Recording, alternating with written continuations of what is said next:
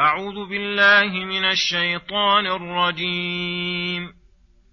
يا أيها الذين آمنوا إنما المشركون نجس فلا يقربوا المسجد الحرام بعد عامهم هذا.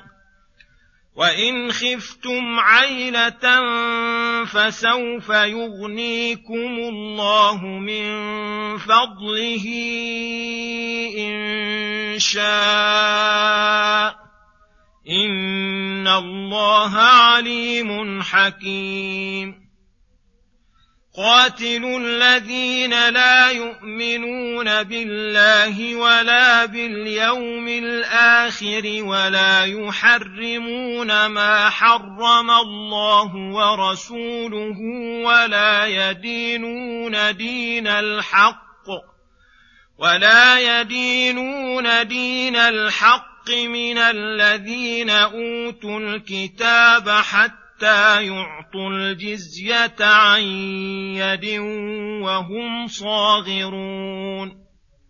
بسم الله الرحمن الرحيم. السلام عليكم ورحمة الله وبركاته.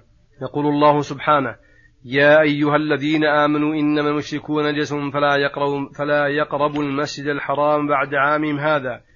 فإن خفتم عيلة فسوف يغنيكم الله من فضله إن شاء إن الله عليم حكيم.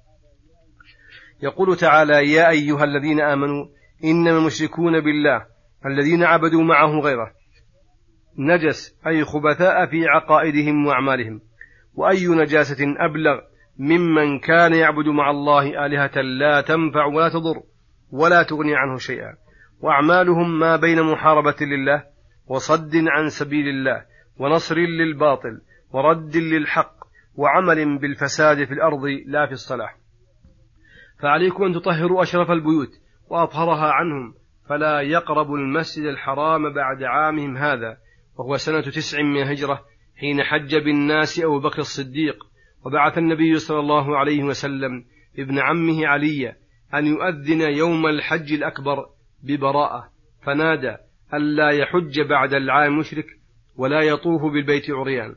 وليس المراد هنا نجاسة البدن فإن الكافر كغيره طاهر البدن بدليل أن الله تعالى أباح وطأ الكتابية ومباشرتها ولم يأمر بغسل ما أصاب منها والمسلمون ما زالوا يباشرون أبدان الكفار ولم ينقل عنهم أنهم تقذروا منها تقذرهم من النجاسات وإنما المراد كما تقدم نجاستهم المعنوية بالشرك فكما أن التوحيد والإيمان طهارة فالشرك نجاسة وقوله وإن خفتم أيها المسلمون عيلة أي فقرا وحاجة من منع المشركين من قربان المسجد الحرام بأن تنقطع الأسباب التي بينكم وبينهم من الأمور الدنيوية فسوف يغنيكم الله من فضله. فليس الرزق مقصورا على باب واحد ومحل واحد بل لا ينغلق باب إلا وفتح غيره أبواب كثيرة. فإن فضل الله واسع وجوده عظيم خصوصا لمن ترك شيئا لوجه الله كريم فإن الله أكرم الأكرمين. وقد أنجز الله وعده. فإن الله قد أغنى المسلمين من فضله. وبسط لهم من أرزاق ما كانوا به من أكبر الأغنياء والملوك. وقوله إن شاء تعليق للإغناء بالمشيئة. لأن الغنى في الدنيا ليس من لوازم الإيمان. ولا يدل على محبة الله. فلهذا علقه الله بالمشيئة. فإن الله يعطي الدنيا من يحب ومن لا يحب. ولا يعطي الإيمان والدين إلا من يحب. إن الله عليم حكيم. علمه واسع. يعلم ما يليق به الغنى ويعلم من يليق به الغنى ومن لا يليق. ويضع الأشياء مواضعها وينزلها منازلها.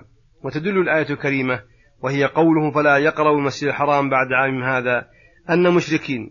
بعدما كانوا هم الملوك والرؤساء بالبيت ثم صار بعد الفتح الحكم رسول الحكم لرسول الله والمؤمنين مع إقامتهم في البيت. ومكة المكرمة. ثم نزلت هذه الآية ولما مات النبي صلى الله عليه وسلم أمر أن يجلو من الحجاز فلا يبقى فيها دينان.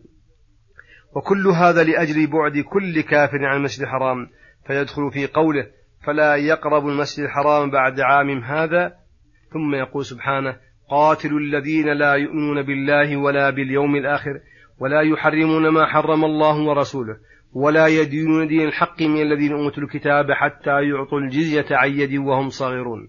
هذه الآية أمر بقتال الكفار من اليهود والنصارى من الذين لا يؤمنون بالله ولا باليوم الآخر إيمانا صحيحا يصدقونه بأفعالهم وأعمالهم ولا يحرمون ما حرم الله ورسوله فلا يتبعون شرعه في تحريم المحرمات ولا يدينون دين الحق أي لا يدينون بالدين الصحيح وإن زعموا أنهم على دين فإنه دين غير الحق. لأنه إما دين مبدل وهو الذي مشرعه الله أصلا وإما دين منسوخ قد شرعه الله ثم غيره بشريعة محمد صلى الله عليه وسلم. فيبقى التمسك به بعد النسخ غير جائز فأمره بقتال هؤلاء. وحث على ذلك لأنهم يدعون إلى ما هم عليه ويحصل الضرر الكثير منهم للناس بسبب أنهم أهل كتاب. وغير ذلك القتال حتى يعطوا الجزية أي المال الذي يكون جزاء لترك المسلمين قتالهم وإقامتهم آمنين على أنفسهم وأموالهم. بين أظهر المسلمين يؤخذ منهم كل عام كل على حسب حاله من غني وفقير ومتوسط كما فعل ذلك أمير المؤمنين عمر بن الخطاب وغيره من أمراء المؤمنين. وقوله عن يد أي حتى يبذلوها في حال ذلهم وعدم اقتدارهم ويعطوها بأيديهم فلا يرسلون بها خادما ولا غيره بل لا تقبل إلا من أيديهم وهم صاغرون.